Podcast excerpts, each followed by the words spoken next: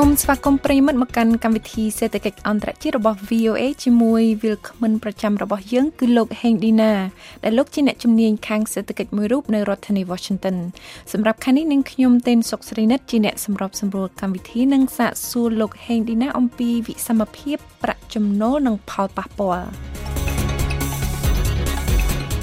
ពីសមភាពប្រាក់ចំណូលឬគម្លាតរវាងអ្នកមាននិងអ្នកក្រ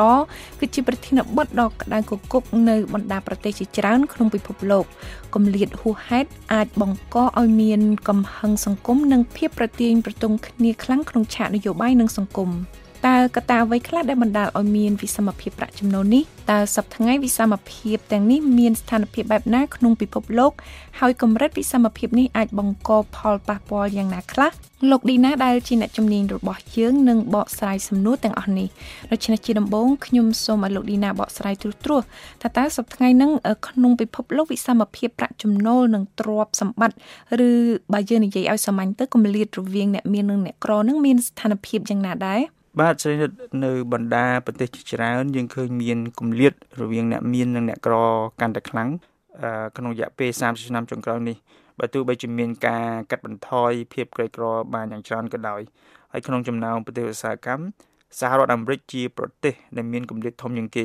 ប្រជាជនអាមេរិក32ម៉ឺននាក់ក្នុងចំណោមប្រជាជនសរុប320លាននាក់នឹងមានទ្រព្យសម្បត្តិស្មើនឹង90%នៃទ្រព្យសម្បត្តិរបស់ប្រជាជនអាមេរិកទាំងមូល ហើយនៅក្នុងបណ្ដាប្រទេសកំពុងអភិវឌ្ឍវិញគេឃើញមានគម្លាតខ្លាំងជាពិសេសនៅប្រទេសចិន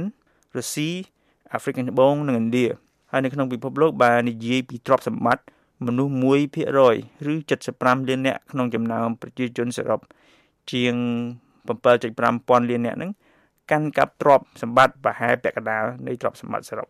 ហើយកាលពីឆ្នាំ2018បើយើងមើលតួលេខមហាសេដ្ឋី20 29នាក់ កាន់កាប់ទ្រព្យសម្បត្តិស្មើនឹងទ្រព្យសម្បត្តិដែលមនុស្សពាក់កណ្ដាលផែនដីមានហើយកម្ពុជាមហាសេដ្ឋី10នាក់មានទ្រព្យសម្បត្តិសរុបជាង750ពាន់លានដុល្លារគឺច្រើនជាងទំហំសរុបនៃសេដ្ឋកិច្ចបណ្ដាប្រទេសកំពុងអភិវឌ្ឍជាច្រើនហើយបើនិយាយពីចំណូលវិញយើងឃើញថាបើយើងធៀបនឹងនំមួយ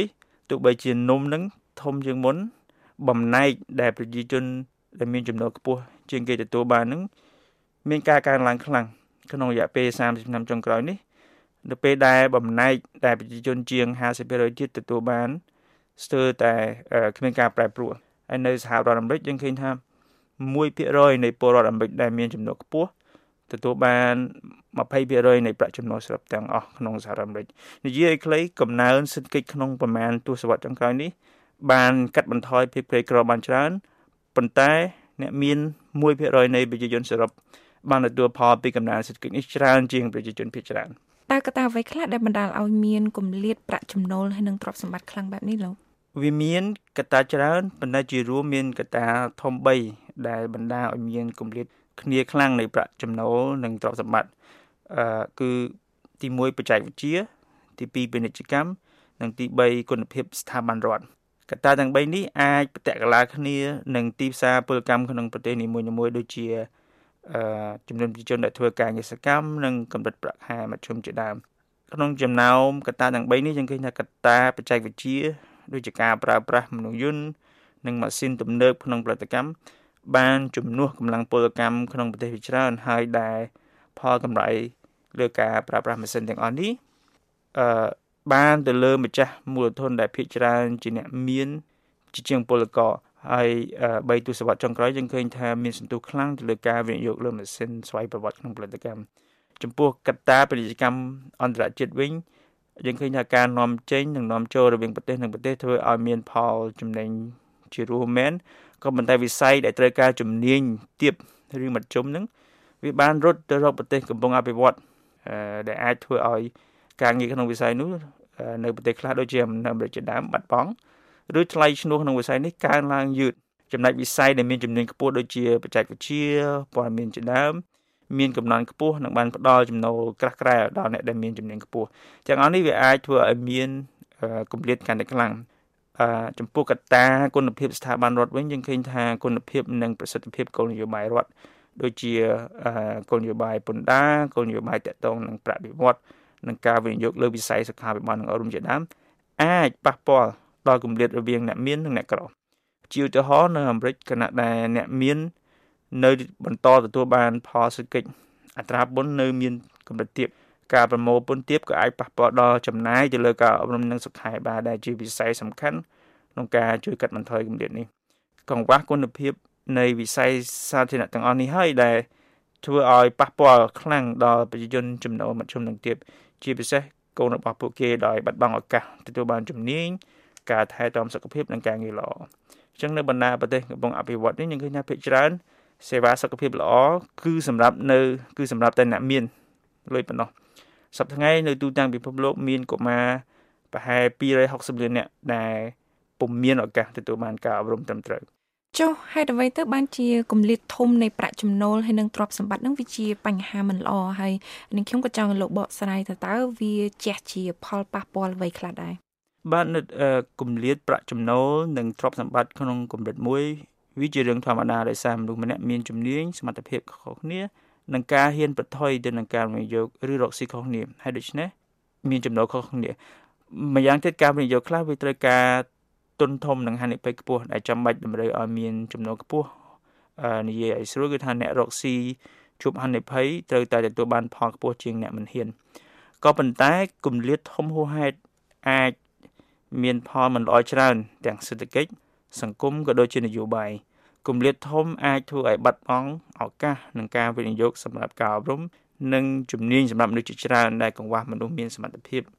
និងជំនាញទាំងនេះអាចបន្ថយកំណើនសេដ្ឋកិច្ចលើពីនេះគម្លាតក៏អាចធ្វើឲ្យប្រទេសមួយមានសង្គមពីរគឺសង្គមអ្នកមាននិងសង្គមអ្នកក្រ ដែលអាចធ្វើឲ្យបាត់បង់ទំនុកចិត្តក្នុងសង្គមការប្រេះឆាំងក្នុងសង្គម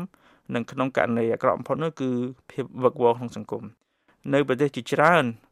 តើតែមានលុយទើបអាចទទួលបានសេវាសុខភាពល្អនិងអាយុវែងគ្មានលុយមានន័យថាពួកគេត្រូវជួបហានិភ័យច្រើននិងជាមធ្យមមានអាយុខ្លីនៅប្រទេសកំពុងអភិវឌ្ឍកុមារអាយុក្រោម5ឆ្នាំដែលកើតក្នុងគ្រួសារក្រីក្រអាចនឹងមានអត្រាស្លាប់ខ្ពស់ជាង2ដងធៀបនឹងកុមារក្នុងគ្រួសារអ្នកមានទាំងអស់នេះអាចនាំឲ្យមានកំហឹងសង្គម ចលាចលដោយសារមានការបះបោរអសន្តិសុខនិងអស្ថិរភាពនយោបាយហើយទាំងអស់នេះហើយសុទ្ធតែប៉ះពាល់ដល់ការវិនិយោគក្នុងស្រុកវិនិយោគពីបរទេសនិងការធ្វើអាជីវកម្មអឺប្រទេសមួយពុំអាចរីកចម្រើនតទៅមុខទេអឺនៅពេលដែលមានស្ថានភាពបែបនេះអញ្ចឹងគម្លាតធំហួសហេតុក៏អាចនាំឲ្យមានការមិនចោះសំណងនយោបាយ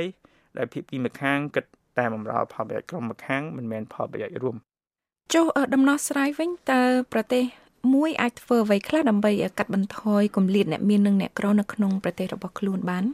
វិសមភាពហួសហេតុជារឿងដែលអាចជៀសវាងបាន វាជាជំរើសនយោបាយប្រទេសមួយអាចកាត់បន្ថយគម្លាតអ្នកមាននិងអ្នកក្រដូចជាតាមរយៈគោលនយោបាយសារពើពន្ធគឺការប្រមូលពន្ធឲ្យបានត្រឹមត្រូវនិងការកាត់បន្ថយអំពើពុករលួយនិងការចាយវាយខ្ជះខ្ជាយ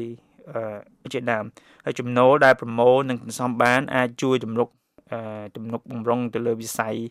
អប់រំសុខាភិបាលនិងហេដ្ឋារចនាសម្ព័ន្ធដែលជួយឲ្យប្រជាជនភាគច្រើនមានសុខភាពជំនាញមានឱកាសទទួលបានការងារនិងប្រាក់ចំណូលសមស្របគេពុំចង់បានឡើយសង្គមមួយដែលគ្រួសារច្រើនធ្លាក់ខ្លួនគេក៏ដោយសារសមាជិកគ្រួសារណាមួយមានជំងឺហើយគេក៏ពុំចង់បានឡើយនៅ